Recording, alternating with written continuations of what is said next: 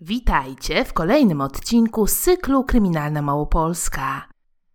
Na początku zachęcam Was do zasubskrybowania mojego kanału, dzięki czemu będziecie na bieżąco z publikowanymi przeze mnie materiałami i niczego nie przegapicie.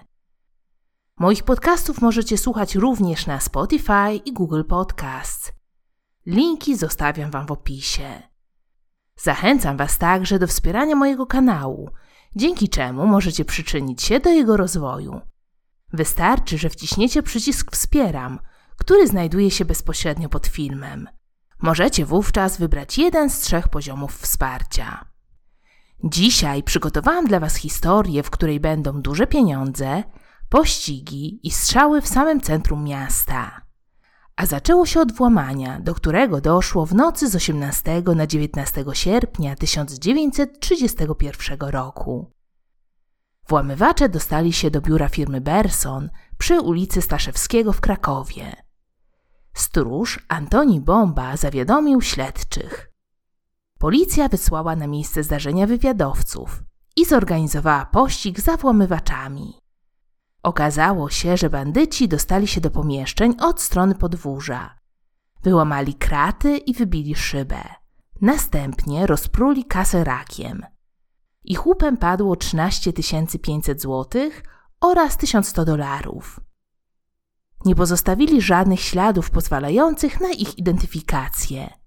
Policja nie traciła czasu. Część funkcjonariuszy pracowała na miejscu przestępstwa, a część w terenie. Minęło kilka godzin, ale nie udało się niczego ustalić. Kolejnego dnia o siódmej rano policyjny wywiadowca Franciszek Krzywda spotkał na ulicy Salinarnej 28-letniego Romana Michalskiego. Był on dobrze znanym krakowskiej policji włamywaczem.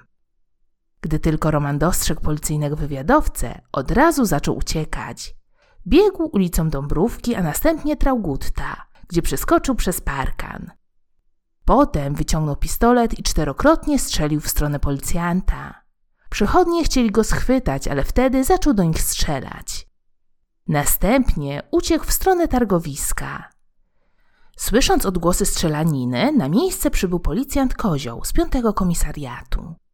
Zebrał informacje od świadków i przyłączył się do pościgu. Udało mu się dostrzec Michalskiego, który uciekał przez łąki w stronę portu żeglugi. Gdy kozioł zbliżył się na odległość 35 kroków, Michalski oddał w jego kierunku dwa strzały. Na szczęście chybił. Wtedy kozioł pięciokrotnie strzelił w stronę zbiega. Niestety, nie trafił. Policjantowi pomógł przypadek, bowiem Michalskiemu zaciął się rewolwer i mężczyzna się poddał. Został on przewieziony do aresztu śledczego. Znaleziono przy nim Browninga, trzy pełne nabojów magazynki oraz 35 złotych. Na tym jednak ta historia się nie kończy. Policja poszukiwała wspólników aresztowanego Michalskiego. Ci znaleźli się sami, ale nie zgłosili się na policję, a postanowili odbić swojego kompana. Między godziną 10 a 11 20 sierpnia dwóch mężczyzn podeszło do grupy stojącej pod bramą więzienia świętego Michała przy ulicy Senackiej. Wypytywali, czy przyprowadzono już więźnia spod telegrafu. Kiedy otrzymali odpowiedź przeczącą, udali się w stronę ulicy Grodzkiej. Około 11.25 dwóch posterunkowych, Michał Mikrut oraz Jan Bukowski, odprowadzali spod telegrafu Michalskiego. Miał on zostać przesłuchany przez sędziego śledczego Wątora. Gdy policjanci wraz z aresztowanym wchodzili w ulicę Senacką, z pobliskiej bramy, w której mieścił się skład węgla, wybiegło dwóch mężczyzn. Po chwili zaczęli strzelać w kierunku policjantów. Bukowski został ranny w klatkę piersiową, a Mikruta w brzuch. Słysząc strzały, na miejsce ruszył wychodzący z biura meldunkowego magistratu wywiadowca Kazimierz Witkowski. Gdy tylko zjawił się na miejscu, został trafiony w klatkę piersiową i prawą nogę. Bandyci chwycili skutego Michalskiego pod pachy i pobiegli ulicą Poselską w dół, kierując się w stronę plant. Słysząc strzały, część przechodniów rzuciła się do ucieczki i szukała schronienia w okolicznych bramach. Niektórzy padli na ziemię, a inni zachowali zimną krew. Stali i czekali na rozwój wypadków. Wszystko wydarzyło się tak szybko, że policjanci z konwoju nie zdążyli zareagować. Zanim informacja o strzelaninie dotarła do więzienia świętego Michała, bandyci byli już na postoju dorożek przy ulicy Straszewskiego. Jechali ulicą Retoryka, Małą, Felicjanek, Smoleńską w stronę Syrokomli. W pościg za nimi ruszył posterunkowy Włoch. Bandyci rozpieli kajdany i dali Michalskiemu broń. Zaczęła się strzelanina. Posterunkowy Włoch jechał samochodem i gwizdał. W ten sposób alarmował swoich kolegów po fachu. Przy ulicy Zwierzynieckiej przerażony dorożkarz Szymon Gangel wypuścił z rąk lejce. Wydawało się, że pościg zaraz się zakończy. Nic bardziej mylnego. W ostatniej chwili lejce przechwycił jeden z bandytów. Nagle uciekinierzy postanowili zatrzymać dorożkę i wśród strzałów rozbiegli się w różnych kierunkach. Wiedzieli, że ucieczka dorożką na dłuższą metę nie ma sensu, dlatego postanowili się rozdzielić. Dwóch pobiegło w stronę Salwatora, a Mikołajczyk uciekł w kierunku ulicy Tarłowskiej. Za Mikołajczykiem pobiegł posterunkowy Włoch, który zranił zbiega w brzuch. Widząc dwóch kolejnych nadbiegających policjantów, Mikołajczyk strzelił sobie w skroń. Policja ujęła również jego wspólników. Okazali się nimi Makowski i Michalski. Pierwszy z nich został osaczony na krakowskich błoniach przez czterech wychowanków pierwszego korpusu kadetów, a także posterunkowego Banasia oraz inżyniera Kisielnickiego. Mężczyzna próbował umknąć do pobliskiej rzeki Rudawy, gdzie przedostał się na drugą stronę i bezskutecznie szukał schronienia w ogródkach działkowych. Z kolei Michalski został zatrzymany na ulicy Lelewela. Prowadzone śledztwo wykazało, że wszyscy trzej zatrzymani stali za włamaniem do firmy Berson. Byli to Augustyn Makowicz, Franciszek Mikołajczyk i Roman Michalski. Banda ta została przez policję nazwana Bandą Makowicza. Był on bowiem nie tylko twórcą, ale i przywódcą. Miał na swoim koncie m.in. sfingowany napad rabunkowy na samego siebie. Był wtedy inkasentem w gazowni miejskiej, skąd przywłaszczył sobie 5 tysięcy złotych. Jednak ta mistyfikacja nie powiodła się i Makowicz trafił do więzienia na dwa lata. Po wyjściu na wolność wraz z Mikołajczykiem i Michalskim działali w zachodniej Małopolsce, gdzie stali się postrachem okolicy. Potem przenieśli się do Krakowa.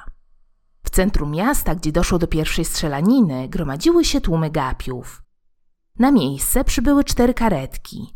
Postrzeleni policjanci czekali na pomoc w sklepiku pani Leśniakowej przy ulicy Senackiej, gdzie zostali przeniesieni po strzelaninie. Wszyscy trzej trafili do szpitala świętego Łazarza na oddział chirurgiczny. Zajął się nimi profesor Galcel. U rannych policjantów zjawił się sędzia śledczy dr Wontor, a także wojewoda dr Kwaśniewski.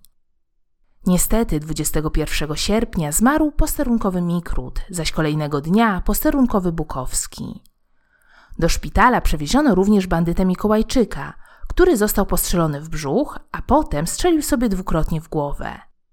Po kilku minutach mężczyzna zmarł. Bandyci posiadali trzy browningi i jeden pełen magazynek. Mieli też przy sobie paprykę, którą planowali sypać w oczy policjantom oraz gapiom. Podczas śledztwa wyszło na jaw, że na pomysł odbicia kompana z konwoju wpadł Makowicz, bowiem tylko Michalski znał miejsce ukrycia łupu. Musicie przyznać, że bandytom nie brakowało fantazji i determinacji, zaś umiejętności policjantów nie były delikatnie mówiąc na wysokim poziomie. Warto dodać, że podczas swojej spektakularnej ucieczki ranili kilku przechodniów. Jednym z nich był handlowiec Antoni Załupski. Do śledztwa oddelegowano niemal całą komendę z kierownikiem Urzędu Śledczego nad komisarzem Polakiem na czele. Jednym z naocznych świadków wydarzeń był wspomniany już Włodzimierz Kisielnicki z Warszawy. Brał on udział w pościgu. Opowiadał o tym, że jechał samochodem na plac na groblach, kiedy dostrzegł trzech podejrzanych mężczyzn. Jeden z nich był skuty kajdanami, a dwóch pozostałych go rozkuwało. Znajdowali się w odległości zaledwie 100 metrów od Włodzimierza. Wkrótce pojawiła się policja i straż więzienna. Włodzimierz dołączył do pościgu. Wraz z nim samochodem ruszyli posterunkowy Maziak oraz strażnik więzienny Będkowski. Tajni wywiadowcy dokonali rewizji w Przegorzałach u kochanki Makowicza, Anny Boguszówny. Kobieta została aresztowana wraz ze swoim bratem, Eligiuszem. Podczas przesłuchania okazało się, że cała banda zbierała się u Boguszówny. Po włamaniu do firmy Berson, Mikołajczyk i Makowicz ukrywali się w mieszkaniu kobiety. Gdyby Michalski nie włóczył się po Krakowie, pewnie nie wpadłby w ręce policji. Losy wszystkich trzech bandytów są znane. Mikołajczyk zmarł w wyniku otrzymanego podczas akcji postrzału. Z kolei Augustyn Makowicz powiesił się w celi w więzieniu świętego Michała w nocy z 5 na 6 stycznia 1932 roku. Tylko Michalski stanął przed sądem. Usłyszał on najwyższy wyrok karę śmierci. Pewnie wielu z Was dziwi, że konwój z więźniem poruszał się pieszo po mieście.